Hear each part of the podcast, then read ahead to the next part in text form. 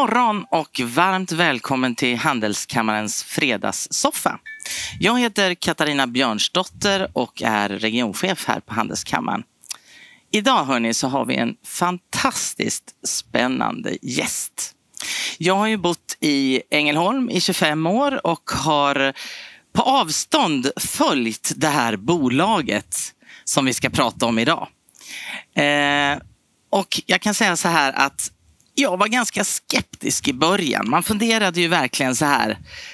Ja, kan man verkligen med väldigt små resurser faktiskt konkurrera med Bugatti, Lamborghini, Ferrari, Porsches extremmodeller? Det var nog inte bara jag som var skeptisk utan även många andra. Men med en stor portion av envishet och med en extrem passion så kan man faktiskt bli den där humlan som inte borde kunna flyga men som skiter i allt och gör det i alla fall. Varmt välkommen hit Haldora von Königsegg den ena halvan i den här fantastiska succéhistorien. Tack så jättemycket. Kul att vara här. Du, vi ska börja med något som vi inte hade tänkt att vi skulle börja med. För det, mm. Du hade ju en eh, sjukt jobbig morgon. Kan du berätta lite kort om det? Jo, den började väldigt bra. Jag hade en härlig morgon med mina två underbara hundar. Åt frukost och eh, gjorde mig klar och skulle bege mig hit. Peppad och laddad. Går ut genom ytterdörren och eh, blir lite förvirrad och ställd. Tänker, gud, var är min bil?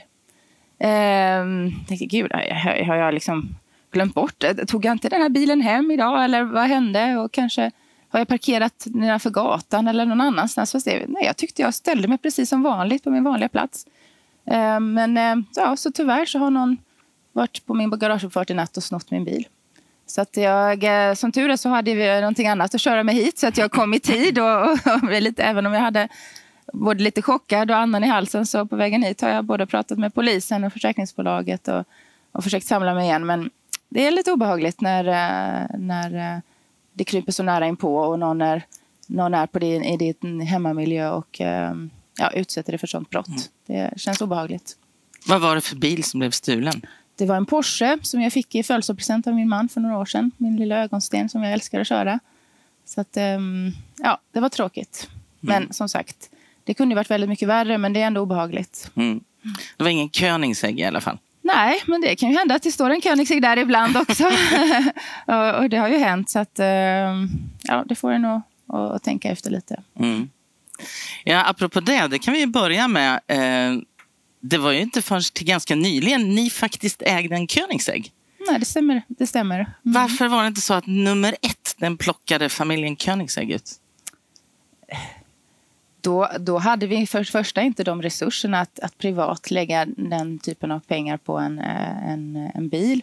Och sen har det också varit som så att bilarna byggs i väldigt få enheter. Och, um, så att vi har behövt tillgodose kundernas önskemål och, och, och, och efterfrågan. Så att, uh, det har vi alltid prioriterat.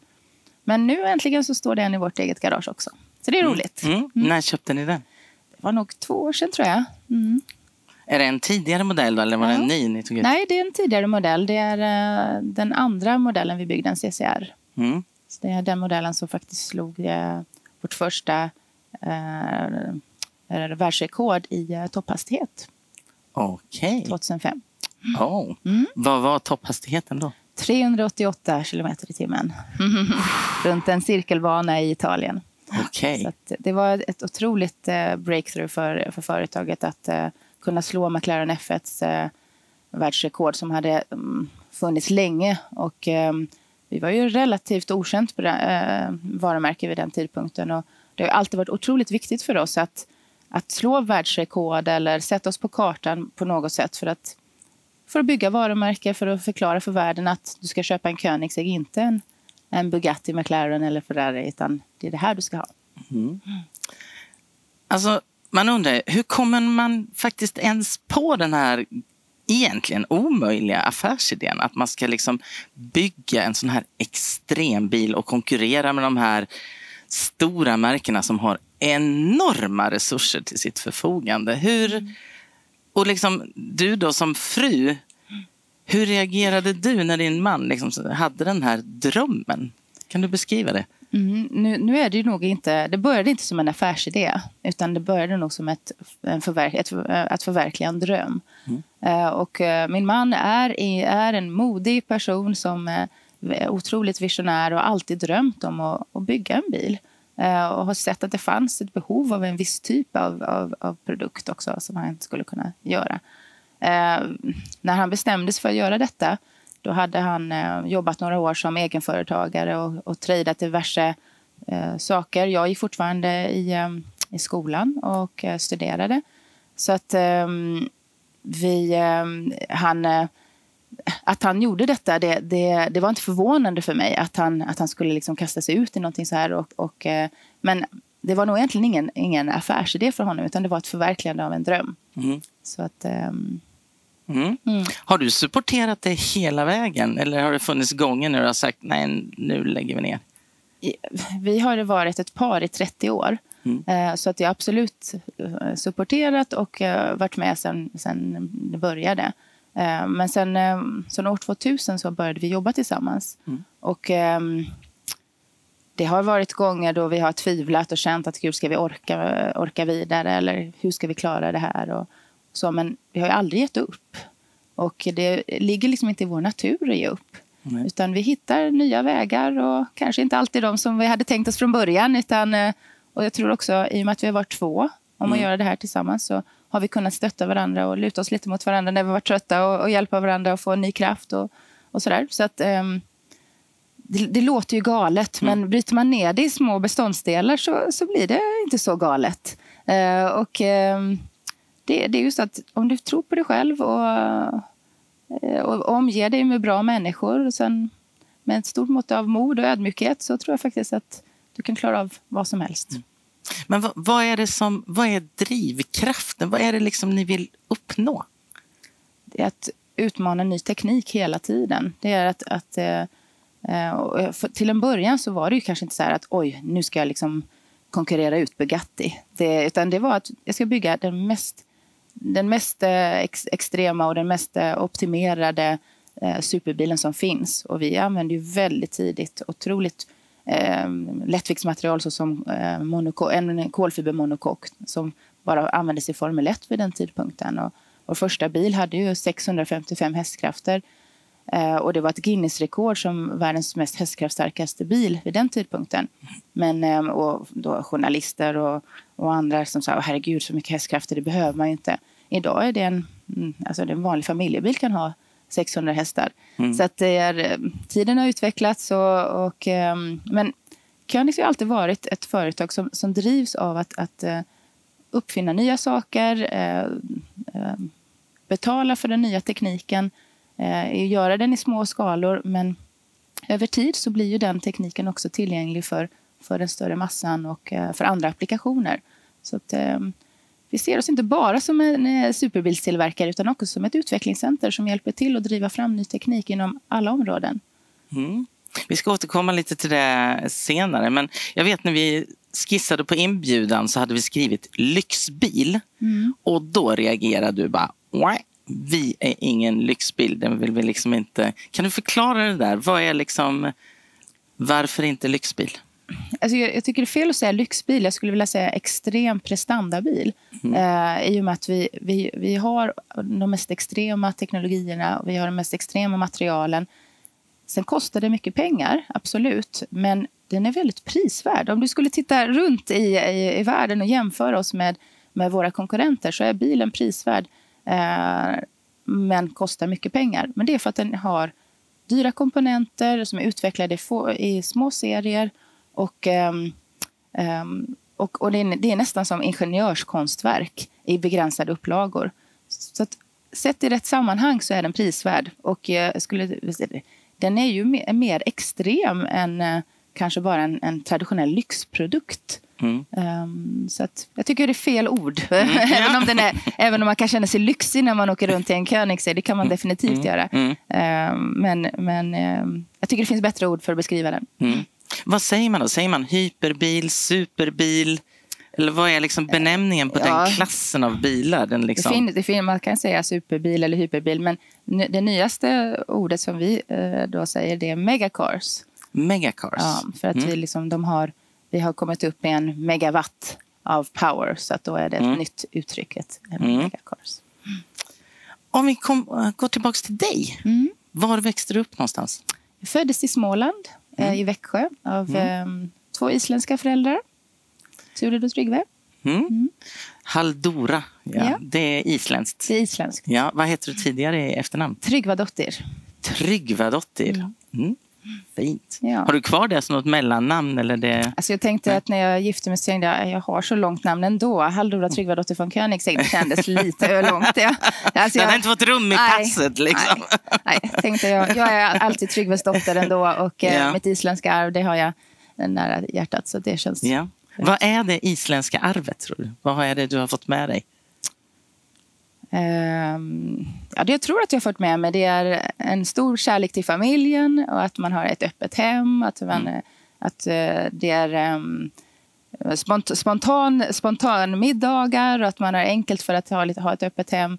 Ehm, jag tror Island har mycket starka kvinnor. Jag är Mm. uppvuxen i en familj av mycket starka kvinnor. Både min mamma, min mormor och min farmor. Alla anser jag vara otroligt starka, duktiga kvinnor som är stora förebilder för mig. Mm. Och det tror jag faktiskt är en del i mitt isländska arv. Mm. Att, eh, Din mamma, vad har hon ägnat sig åt? eh, hon har arbetat eh, både som undersköterska och eh, förskollärare och, ehm, ja, och tandsköterska till sist. Mm, mm. Ehm, så det är lite olika saker. Mm. Och din pappa? Han är entreprenör ute i fingerspetsarna. Eh, Okej, det? det kan komma därifrån kanske då Ja, lite? kan komma ja, därifrån. Ja. Eh, så han har jobbat med eh, trägolvsproduktion. Mm. Producerat trägolv Mm. så länge jag kan minnas. Jag lyssnade faktiskt på, för Christian var intervjuad i Framgångspodden. Mm. Och då hörde jag att för att imponera på din pappa så gjorde han en liten uppfinning. Kan Mm. du berätta om den?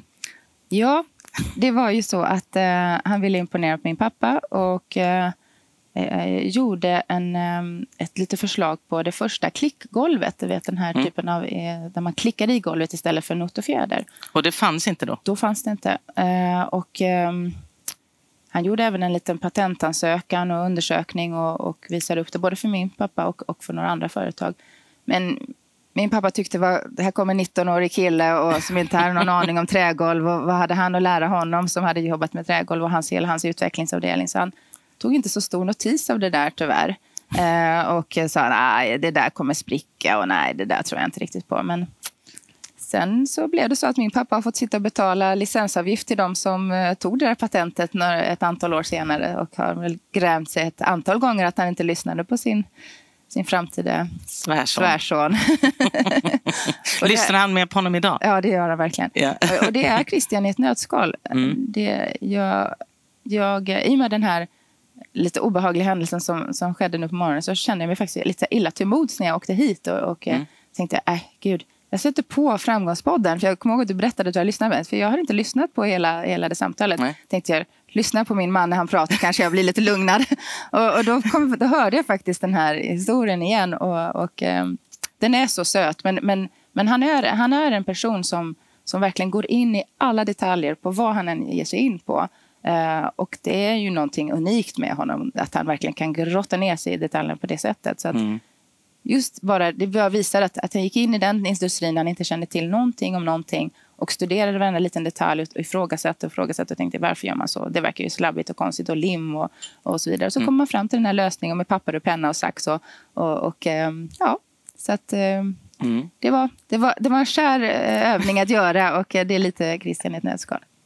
Men han hade patentet men det var ändå någon annan Nej, som han- snodde idén. Han hade inte riktigt råd att fullfölja hela patentet. Och Ah, inte, okej. inte han fick så stort gehör för det här så lämnade han in en ansökan och så vidare. Så att han, det står faktiskt att han är uppfinnare. eh, till till För han kallade ju till och med för klickgolv. Ja, så att Ja. det, han får lov att kalla sig, i och med att han har visat det för så många personer så får han lov att kalla sig uppfinnare för det. Men, men han har inte tjänat de där miljarderna i licensintäkter. Men Nej. Men de har hamnat rätt mycket i nordvästra Skåne i alla fall. ja, de har gjort De det. har gjort de, har det faktiskt, de har faktiskt sponsrat oss med, lite golf sen dess. Ja, så fint. Ja, det är gulligt. Ehm, vad har du läst för någonting när du har studerat? Ehm, jag har läst ehm, marknadsföring och ekonomi. Mm. Mm. Och sen gick jag faktiskt ett år på, eh, ett halvår på konstskola, eh, folkhögskola. Lärde mig dreja och måla och spela teater och sjunga och sånt som jag egentligen tycker är väldigt, väldigt roligt. Men Okej, okay, så du har en konstnärlig ådra? Ja, det har jag. Men eh, jag har valt att ha den liksom som i mitt privatliv snarare än som min karriär. Mm. Målar du privat? Nej, eller gör lite gör krukor och sånt? Nej, du har jag, ingen jag, drejskiva hemma i garaget eller så? Nej, dessvärre inte. Men jag, jag, tycker allt sånt där är romantiskt och härligt. Jag, mm. Eh, men um, sjunger gör jag ganska mycket. Och det tycker jag är väldigt kul. Mm. För inför publik? Eller? Nej, det blir inte så mycket längre. Men, men jag har varit med lite för, när jag var yngre några små kvartetter. Och, lite band och sådär och tycker det är väldigt roligt. Skulle jättegärna sjunga i kör och sådär. Men eh, just nu så finns inte riktigt tiden till allt man vill. Men kanske kommer längre fram. Mm. Ja, det är ju något speciellt med att sjunga. Mm. Jag sjunger själv i kör så jag mm. vet att det är liksom... Mm. Så underbart ja, det är, det... Stämsång är så fint. Ja, mm. det gör något speciellt med hjärnan på något mm. sätt. Vad började när du hade slutat studera? Då? Vad var, var ditt första jobb?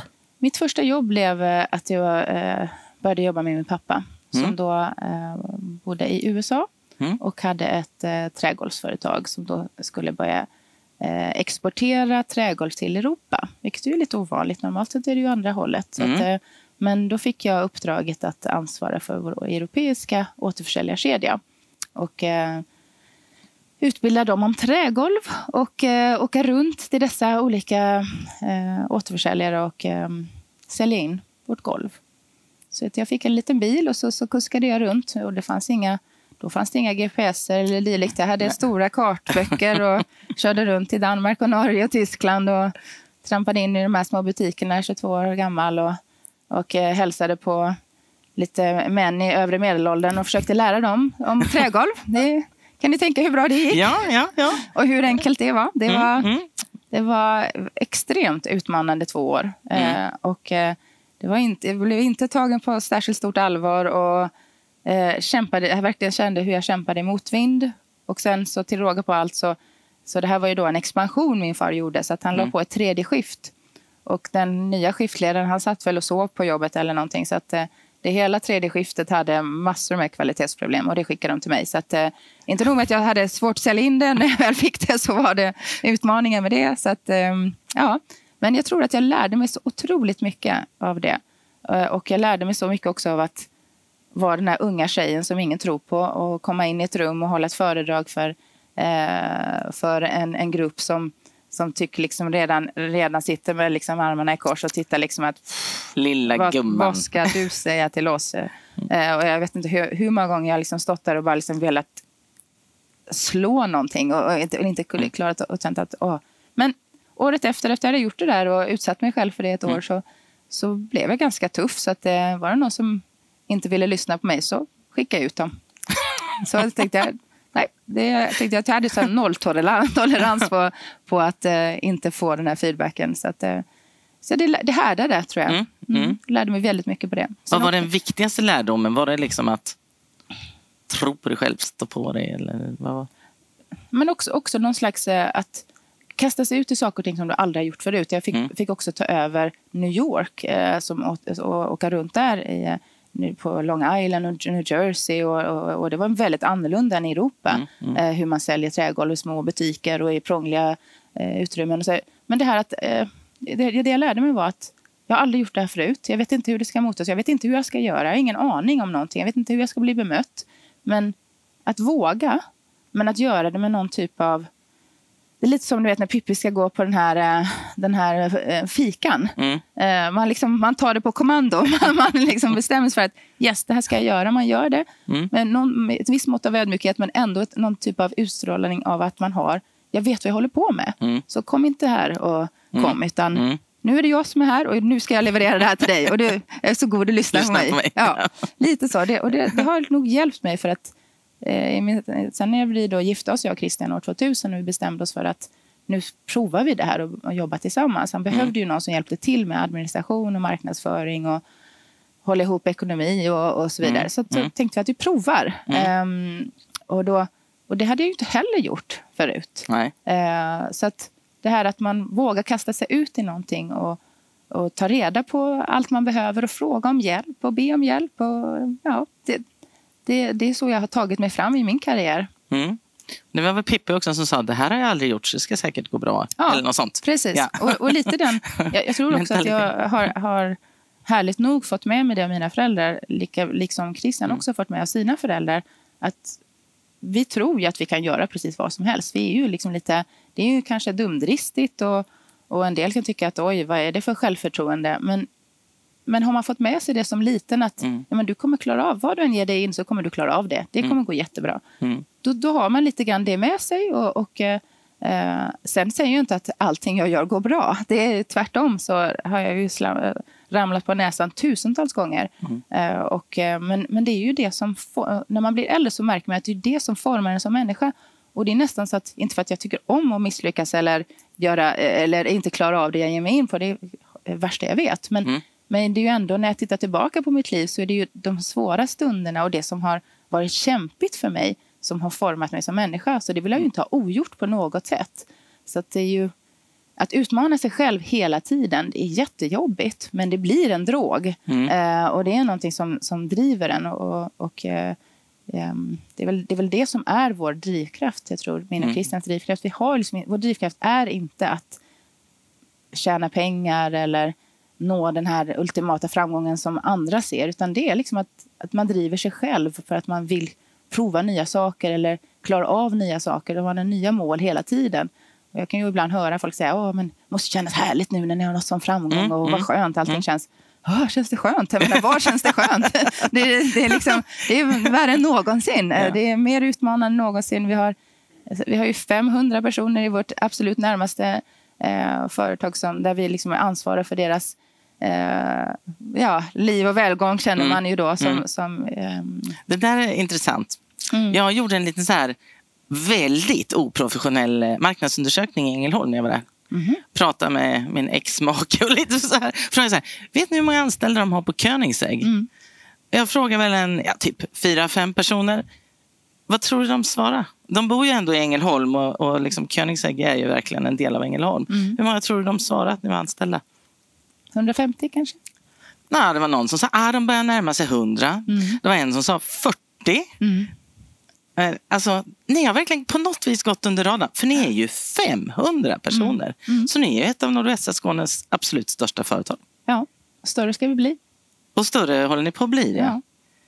Så det är ju, det är Ja, nej, vi, fantastiskt. vi, vi måste ju skärpa oss. Vi har ju tydligen varit dåliga på att marknadsföra oss i regionen. Så att, eh, ja. mm. Och ni har 32 nationaliteter anställda. Mm. Mm. Hur gör ni för att, att, att liksom rekrytera? Ja, vi, ehm, vi har en, en hemsida där vi eh, annonserar våra tjänster och sen ehm, jobbar vi våra, med våra sociala mediekanaler. Och, ehm, när vi är på events runt om i världen så försöker vi också framhålla att vi söker personal. Så att det är ju lite som, som med vår försäljning, folk hittar oss. Eh, många vill jobba med den här typen av extrem teknologi och eh, söker sig då till oss som företag. Eh, Men allt eftersom vi växer och vi behöver alla möjliga funktioner så, så har vi ju en HR-avdelning som aktivt också jobbar och letar talang och, Mm. och ja, hjälper till. Hur många, om man säger, hur många jobbar med utveckling av själva ja, motorer och jobbar liksom med forskning och utveckling av de här 500? Det är ungefär 200 som gör det, Mm. eh, lite drygt. Mm. Och de andra tre, eller hur många är det som bygger bilarna sen då i de olika Och sen är det kanske en 150 som bygger bilar. Mm. Eh, och sen har vi eftermarknadsavdelning och sen har vi eh, allmänna inköp och, och eh, produktions, eh, eh, produktionsingenjörer, kvalitet. Mm. eh, ja, Och de så bitarna. att, eh, och de bitarna runt omkring. Men vi är ju en otroligt komplett bilfabrik Mm. som jag tror väldigt få vet också. Mm. Eh, vi utvecklar så mycket i huset. Eh, inte bara, att det är inte bara en monteringsanläggning för, för de här extrema bilarna. Utan för det första utvecklar vi allting. Sen har vi en, en, en pilotavdelning som testar eh, och sätter ihop prototyper och, och provar både kom, på komponentbasis men också hela bilar. Eh, och vi har vår egen lack, vi har vår egen motor, vi bygger vår egen motor. Vi utvecklar eh, elmotorer, invertorer, bilbatterier, eh, högvoltsbatterier då. Och ehm, sen har vi ett sadelmakeri som då sy- syr alla inredningar till bilen. För hand? För hand. Vi har en egen elavdelning som då gör alla de här högvoltskomponenterna men också kabelage till bilen. Alla kabelage till bilen görs inhouse hos oss. Ja, hela karossen? Hela karossen. Mm. Uh, uh, och, och, vi har ju viss, viss tillverkning av karosskomponenter också utanför huset. Och det är framförallt då i Barcelona där vi har en, en kolfiber, eller kolfiber um, dels, uh, fabrik. Mm. Jag var och besökte er för några år sedan. Då tror jag ni gjorde det mesta också mm. inhouse mm. i Ängelholm. Och jag blev så fascinerad för kolfiber det är ju som tyg på en rulle. Mm. Som man sen liksom lägger lager, limmar lager på lager och så kör man skjuts in i ugnen och så bakar man den och så kommer det ut en skärm. Mm. Det tyckte jag var trolleri. Och sen lägger, sen lägger du till att du, när du får ut den här bakade eh, framhuven mm. så ska den matchas med en frontbumper eller en dörr eller ett tak. Och ibland så då vi tillhandahåller en, en look där eh, man har synlig kolfiber. Mm. Och då är det ingen lack på bilen utan då kan det vara antingen en polerad kaross, bara naken, vi, vi kallar det eh, naked carbon. Och då mm. är det polerad kolfiberkaross som då, de, och då måste ju den här väven matchas som en, som en, eh, ja, som en ett kostym, mönster, som ett mönster. Ja. Mönsterpassas liksom ihop med de olika delarna som bakas i olika kakformar. Alltså det är ett otroligt hantverk att, att lägga de här lagren så att de passar. Och, att det, liksom, och det är också en, den här väven är ganska känslig för, för att, att det, nästan som på strumpbyxor, att det går en maska som kan mm. dra linjerna fel. Och, um, och, så bara den processen är ju ett otroligt hantverk att få ihop helheten så att det blir snyggt och prydligt. Och sen när du, när du då ska polera den mm. så är det ju en, en, en huv som, som kostar flera hundratusentals kronor som du då ska polera. Och den här tekniken som får fram det här otroliga lysten i, i, i kolfiberkomponenten mm. Det betyder att du, du, du um, polerar bort överskottsepoxy som, som är i, i den här väven, den härdet, ut. Och då måste du slipa nästan hela ner, vägen ner till fibren, fibrerna. Och kommer du lite för långt, då har du förstört materialet och då är det kört. Så att, Vilka vågar göra det? ja, men det är flertalet som har det. Och, man, och därför kan man ju tycka liksom när man tittar, ja. tittar in i en produktion och så ser man några som står och slipar med en slipmaskin på en, på en komponent. Så tänker man, ja, det kanske inte är så jätteavancerat jobb. Mm. Men det är ett jätteavancerat jobb. Det är ett mm. Eh, otroligt finkänsligt jobb. Som inte absolut, precisionsjobb. Så att mm. alla jobb som vi har är på den nivån. Det mm. är, och vilket ju är otroligt häftigt. Eh, mm. Och, och, jag tycker det är en av de häftigaste sakerna med att få jobba med det vi gör. Att, att vi har otroligt ambitiösa, jätteduktiga medarbetare som också hela tiden strävar efter att bli bättre. Mm. Och det går inte att sitta och sova på jobbet hos oss. Utan Nej. Eh, det är liksom en man är som ett Formel 1-team som mm. hela tiden måste vara på tårna. Och eh, vi vet ju också att slarvar du med att hänga upp den här sladden och göra enligt alla instruktioner, då kanske du sätter din, din kamrat som är ute och testar bilen i fara. Mm. Så allting är superkritiskt, att du gör rätt. Mm. Din roll på företaget idag, hur ser den ut? Ja, idag har jag eh, eh som min huvudroll att vara ansvarig för sälj och marknadsavdelningen. Och det är ju jätteroligt jobb. Mm. Eh, att få jobba med nya produkter, sälja dem och vara ute på mässor och utställningar och kundträffar och jobba med de fantastiska kunder som vi har eh, i vår Ghost Squadron kallar vi det. Vad kallar vi för? Eh, Ghost Squadron. Ghost Squadron. Ja. Mm. Spökskvadronen. Ja, och det kommer sig av att vi har ju det här fina spöket som ni kanske har sett som, mm. som fanns som vi fått ta över från från eh, skvadronen som var på F10 i våra lokaler. Mm. Och den sitter på alla våra bilar som byggs i Ängelholm i den här mm. hangaren. Mm. Eh, och eh, vi har även tagit den symbolen, då, vi kallar den för the spirit of performance och gjort en liten pin som alla våra anställda har. Eh, och alla kunder får en sån här Ghost pin och då ingår man då i den här Ghost Squadron. Mm. Så att det är väldigt roligt. Vi, var för några veckor sedan var vi i Paris med uh, våra kunder, eller en, del av våra kunder. Så vi var 50 personer som träffades mitt i Paris med 23 Koenigsegg's av olika årsmodeller. Mm. Uh, nio av, av vår senaste modell uh, regerar. Och så skulle vi köra ut i karavan i Paristrafiken. Och jag hade en romantisk idé om att vi skulle liksom korsa en, en bro och så skulle vi ha Eiffeltornet i bakgrunden och så skulle vi ta fina ikoniska foton.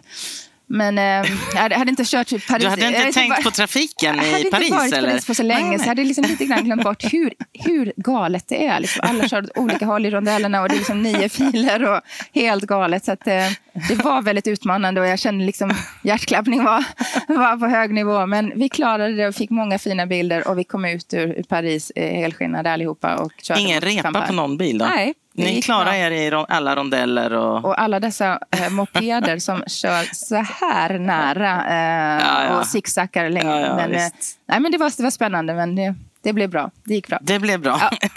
Sen jobbar jag lite som, som, eh, som vice vd också, så att jag fyller Mm. in på alla olika avdelningar som behöver stöttning. Och Mm. Allra helst i denna tillväxt som vi är just nu så är det ganska mycket som många områden där vi behöver stötta upp lite. Och, och det är också kul. För du är väldigt... Kan man säga så här att eh, eh, din man han är mer visionären och liksom utvecklaren och du är mer den operativa som ser till att det funkar? Så har det ju varit genom åren, men Mm. eh, han, han är en fullfjädrad vd med allt vad det innebär. Så att, eh, Mm. han behöver ingen hjälp i det. Men, men eh, däremot så, så har, vi ju, har jag ju hjälpt honom genom åren. Och, och jag gillar att du säger det, för jag får ju ibland höra det. Att, eh, att tänka, åh den här visionären, du måste väl, då är väl du den som tar ner på jorden. Och, han är gasen, du är bromsen. Och jag brukar alltid säga det att jag är ingen broms. Jag är eh, en möjliggörare. Jag gillar att hjälpa till och, och förverkliga, absolut. Men definitivt ingen broms. Men, eh, och det behövs inte heller för att det, det kan verka som att han är en galen eh, visionär, men han är en otrolig realist. Eh, och eh, det låter ju konstigt när man gör det vi Ja, gör. precis. Exakt. Men, men, men han är ändå väldigt, eh, väldigt eh, krass och, och realistisk i sina, sina ambitioner. Så att, eh, sen, sen är han också visionär. Mm. Men, eh, men en möjliggörare, absolut. Och, och då tycker jag, i och med att vi har gjort det här tillsammans så länge och jag har varit med i alla de olika avdelningarna eh, när vi har vuxit. Så nu finns det ju ett management som hjälper till och, och, eh, och driver bolaget. Så att, eh, det blir mindre och mindre behov av att, att eh, vara med och lägga sig i all, överallt. Men, Mm. men det finns fortfarande ett visst behov nu när vi växer att eh, hjälpa till och bygga. Ja, ni startade redan 94 och först var ni i Olofström, för det är väl Mm. det är där som Volvo har sitt nav också och gör sina karosser och sånt. Men sen blev det ju Ängelholm Ja. Ganska så snabbt. 98, Och, tror jag. 98 Mm. ja. Och då var, det, var ni i någon lokal i Margretetorp, det kommer jag ihåg, Mm. som väldigt dramatiskt brann ner. ja, det var ju fruktansvärt. Ja. Men ni hann rädda det mesta ur, så det var inget som... eh, Ja, alltså det var mycket som, som försvann också. Det, Mm. det var ju en, eh, en lördag eh, i februari 2003. Mm. Eh, och vi hade precis varit där och eh, var på väg till en...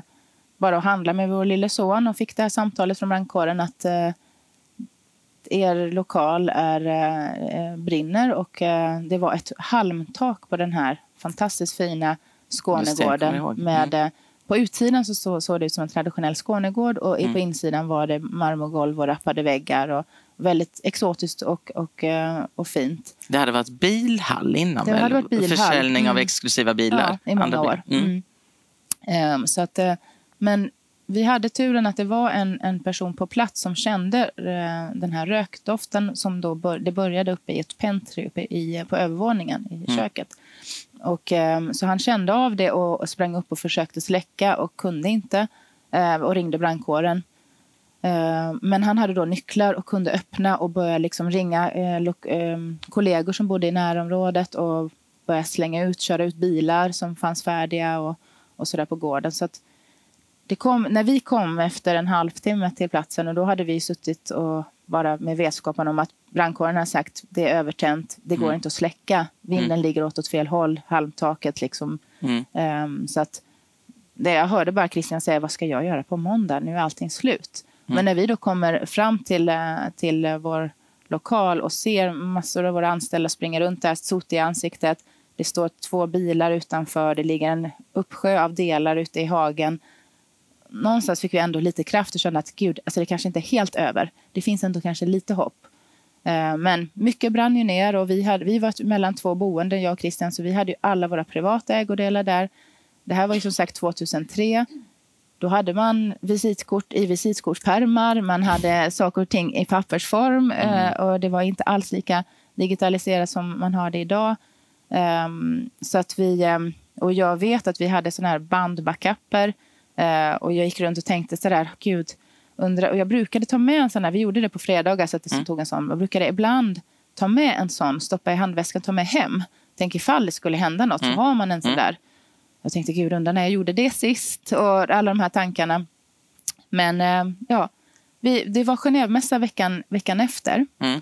Eh, och de bilar vi hade tänkt åka dit med, de två bilarna, de hade de ju lyckats rädda. Mm. Broschyrerna som skulle med till mässan hade, hade jag svurit på leverantören att de inte hade levererat på fredagen. Men det var jag ju tacksam för på, Ja, på måndagen. Eh, och, ehm, och jag tror att, att det var faktiskt på söndagen, redan på kvällen där eh, på lördagen så var kommunen fantastisk och lokala entreprenörer helt underbara.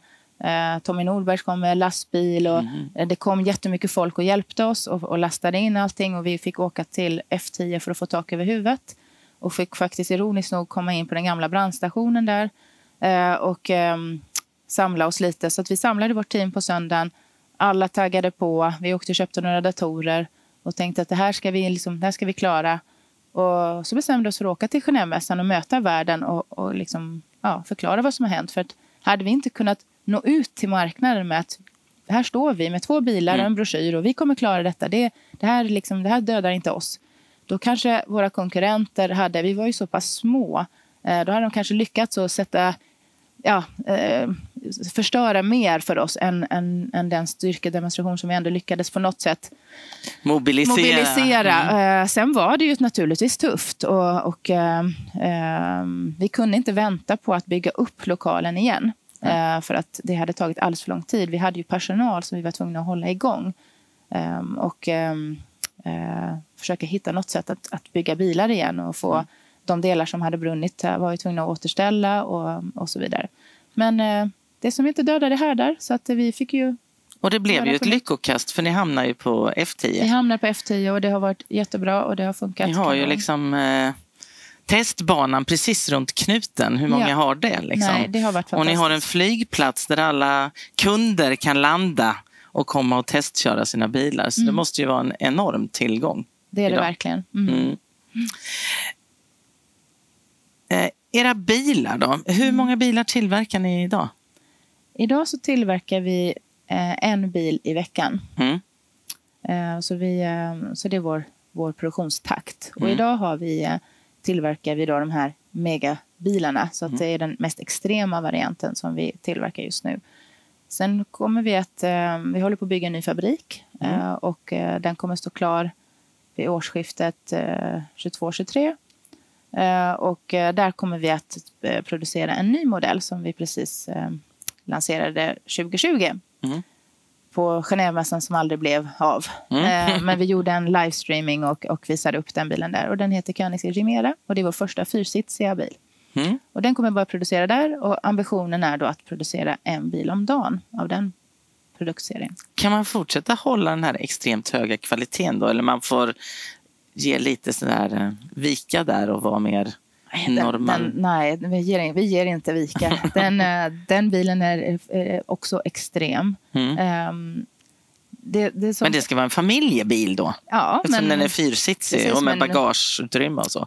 Ja, det Mm. får plats eh, fyra carry-on bagage och fyra Ja. personer. Mm. Och man kan även vara två meter lång på både i fram och baksätet. Så att, Okej. ehm, det gjorde vi en liten, liten video. Vi plockade de längsta killar vi hade i, i eh, företaget och så lånade vi in några riktigt långa 206 killar och så. Och Mm. så satte vi dem i baksätet och framsätet.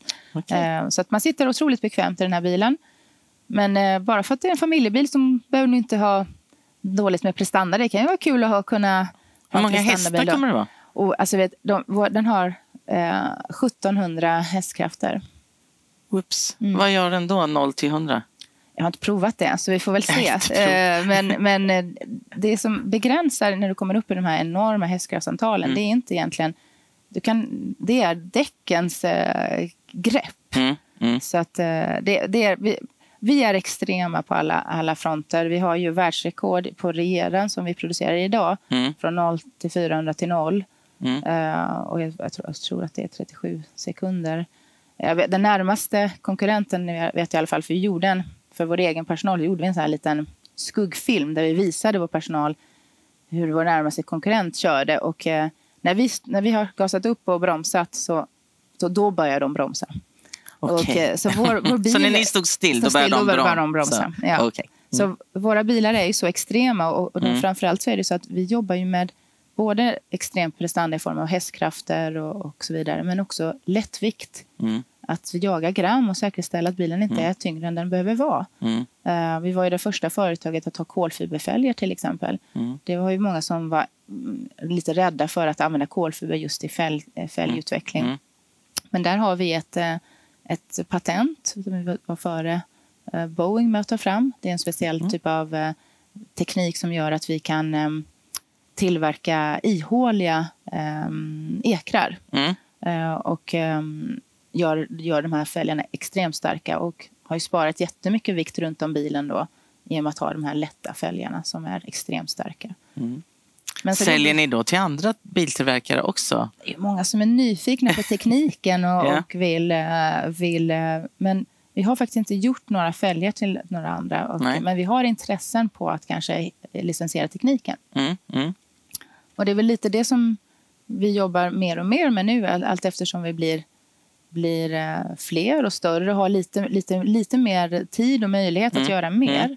Eh, och, ehm, I och med att vi, gör, vi jobbar ju fortfarande med förbränningsmotorer Mm. men vi gör ju det i kombination med vår egen hybridlösning som vi kallar Koenigsegg Direct Drive då vi också har elmotorer ehm, Som ni också utvecklar som vi själva? också utvecklar själva. Mm. Och vi har i den här nya fyrsitsiga bilen så har vi en ny nästa generations förbränningsmotor.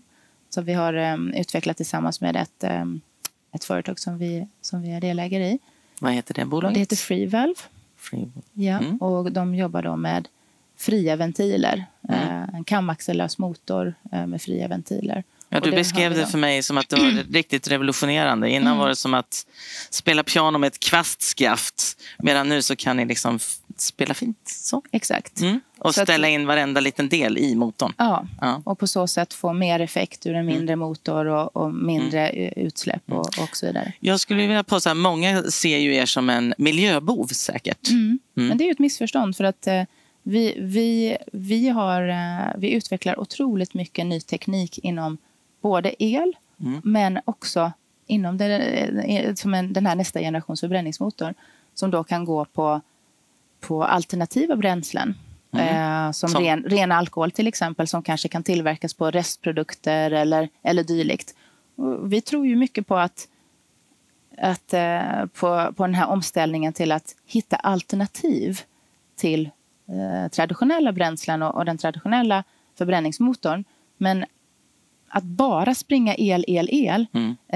har inte varit det mest optimala i vår nisch när vi talar om prestanda och lättvikt och så vidare. Batterier är tunga och, eh, och vi försöker hitta det mest optimala och det, mest, det som är, gör, ger minst miljöpåverkan. Mm. Ehm, så att, men vi är otroligt intresserade av eldrift och vi var det, regeran som vi producerar idag är den första superbil, vi var den första tillverkaren att utveckla ett 800 volts högvoltssystem. Vi var före Porsche med det. Mm. Sen har vi inte ett jättebatteri i vår, i vår bil så att man kan inte ha någon jättelång räckvidd men man kan krypa fram lite och köra lite stadstrafik och eh, Hur många mil Alltså, jag vet inte om det är så många mil. Eh, så det är väl inte riktigt... Det är ju en hybrid. Så att, Mm. eh, tanken är väl liksom att man ska...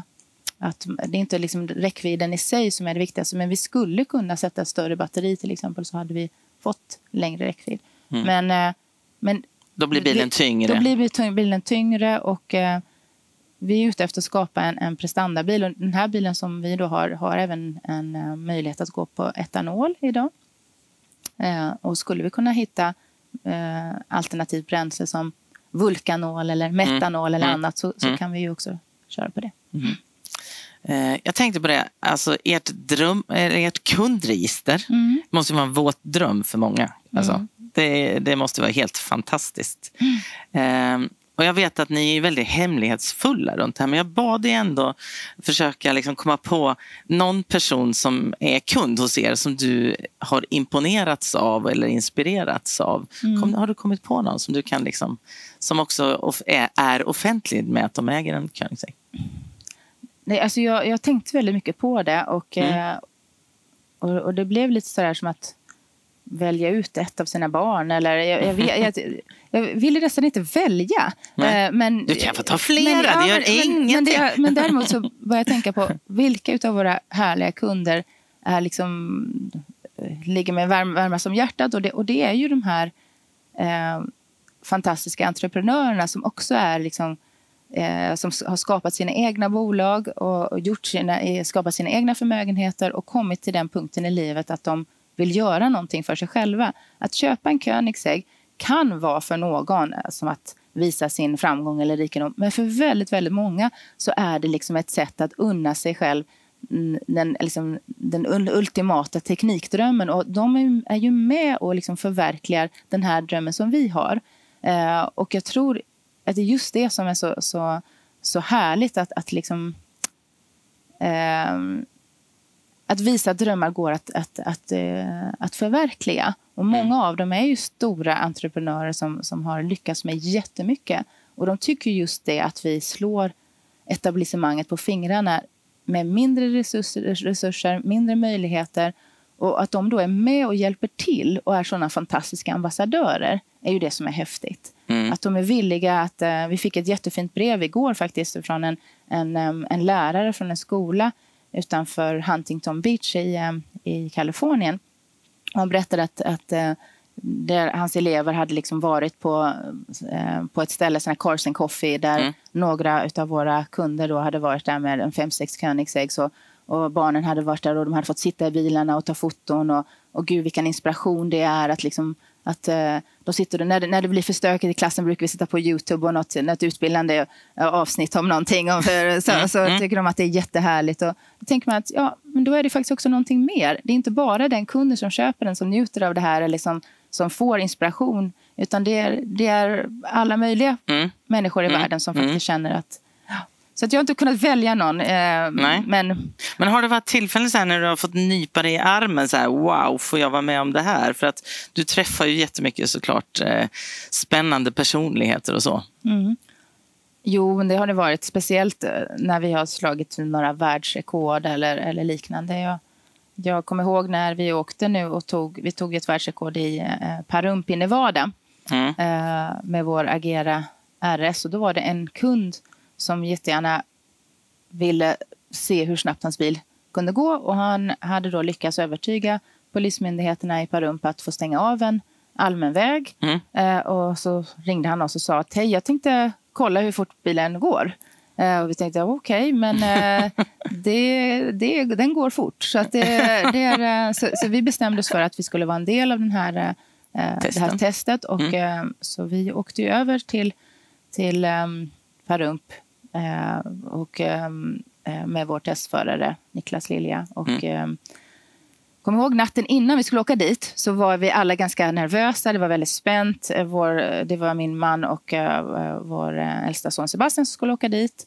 De skulle ha med sig en, en drönare, sån här stor fotodrönare som mm, vi hade mm, fått. Mm, och, mm. och, som, och så, vi höll på att ladda ner programvaror till den. Och, och vi hade då ett sånt där 3000 bitars pussel som vi hade börjat lägga. Så vi hade fått för mig att vi behövde göra något annat än att bara titta på våra mobiler och mm, jobba. Mm.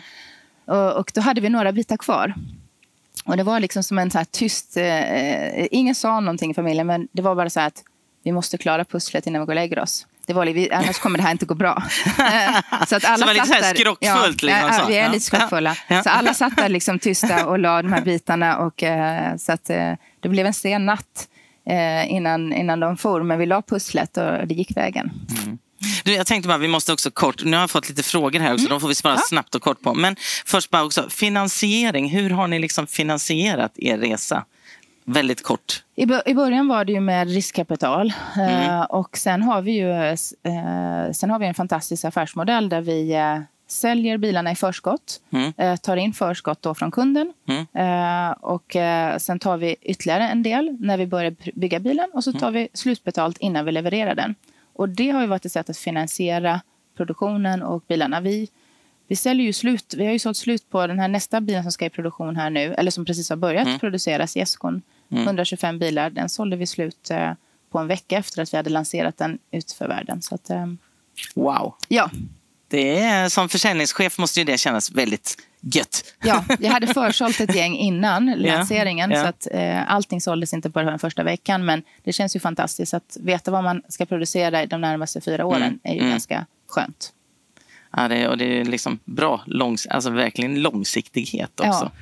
Och då förstår man ju att ni har en dedikerad skara kunder som verkligen vill vara med och bidra. Vi har många kunder som äger många, Mm, mycket mer än bara en bil. Hur många bilar har ni sålt totalt?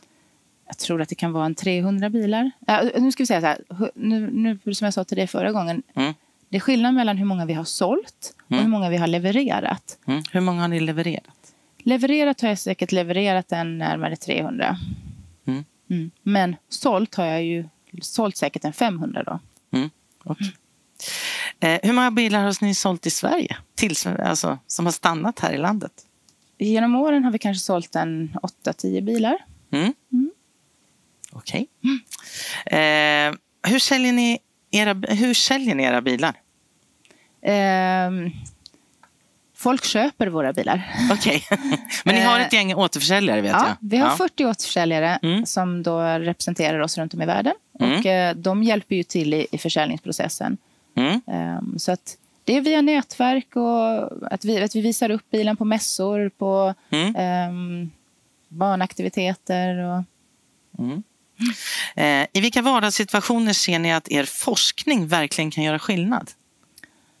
ehm, den här nästa generations förbränningsmotor, det, det är ju en, en motor som skulle kunna vara väldigt behövlig i, i andra applikationer.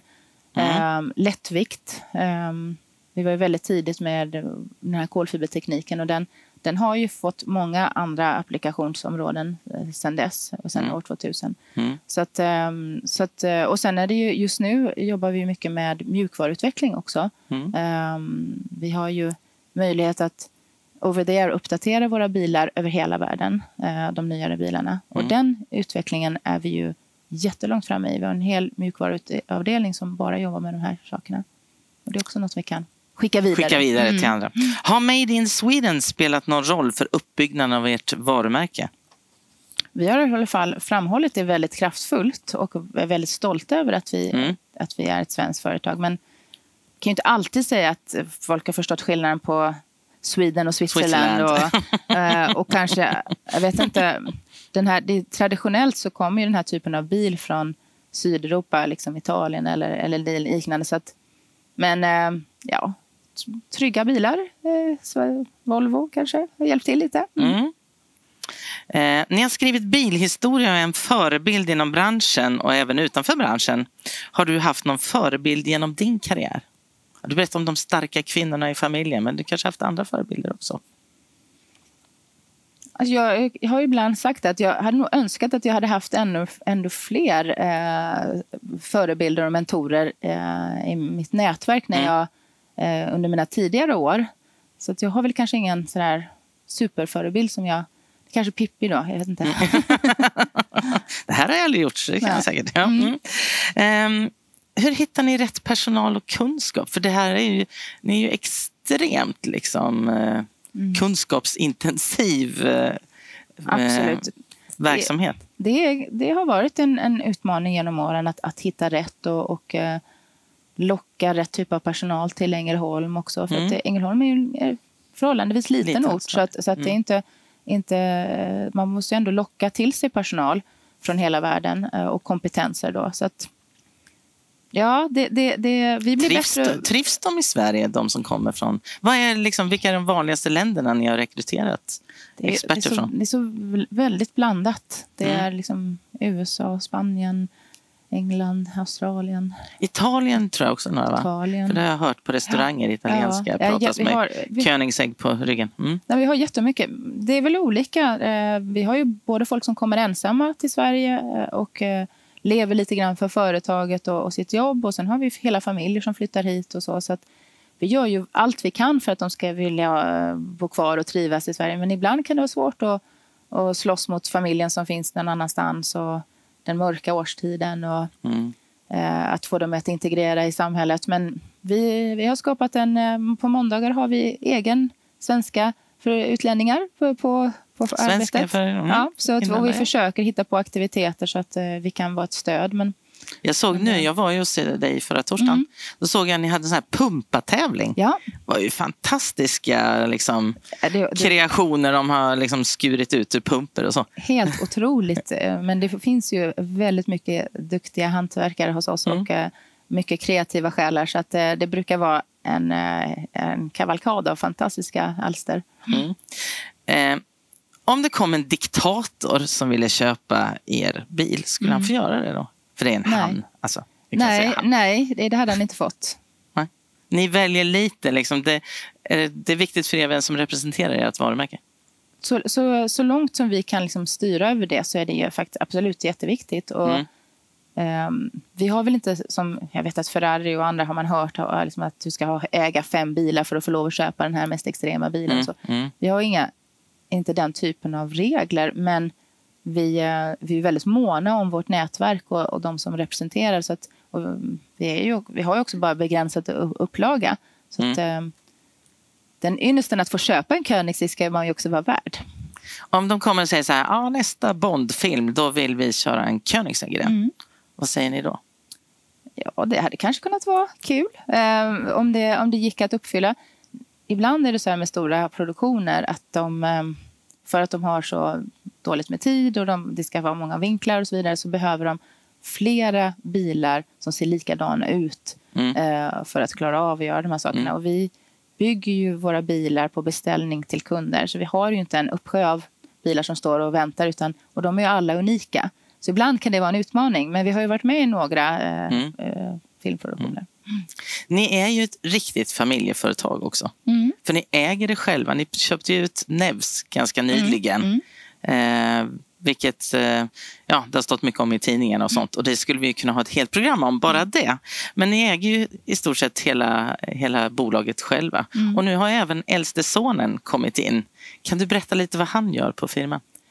Han har faktiskt jobbat hos oss i några år nu i, i, eh, i kombination med att han eh, jobbar som musikproducent. Mm. Men eh, han jobbar med eh, varumärket och eh, eh, filmar, fotar, eh, gör content till våra sociala medier. Eh, och eh, alla filmer man ser som vi har om från våra owner stores eller mässor eller liknande är det han som ligger bakom. Eh, och sen har designar han lite klädkollektioner och gör lite, annan, lite annat layoutarbete och mm, designarbete för oss. Så det är väldigt roligt att få ha med honom i eh, Ja, du sa till mig det är så lätt att jobba för han har ju liksom fått det här från han var nyfödd. Så han Ja. vet ju hur ni tänker också. Ja. Så att ni, det blir inte så mycket. Just nu är han med och designar hela den nya fabriken och alla materialval och look and feel där. Så, Och sen har han haft två låtar med på Melodifestivalen Ja. berättar du. precis. För han eh, skriver låtar också. Ja, och sen sjunger han själv och har en eget litet, eh, en, eh, han har ett eget band som eh, också har släppt lite låtar på Spotify. Ja, vad heter de? Poolkant. Poolkant. Ja, ja. Satt de Mm. Vid poolkanten och kom på det? Eller? Ja, det tror jag. Ja. Ja. Eh, Jag frågade dig också, det här tyckte jag var kul, tänkte jag kunde vara som en liten slutkläm idag också. Eh, Jag frågade dig om andra konkurrenter hade koll på er, som till exempel Teslas grundare. Och vad svarade du då? Ja, definitivt. Det är klart de har. Mm, och så svarade du något annat. Jag kommer inte ihåg vad svarade jag då. Jag säger så mycket saker. Vad sa jag? Du sa så här, ja, nej men lite koll har han för vi dansade på en fest ja, för ett ja, tag ja. sedan. Jo, jo, precis. Ja, det gjorde vi.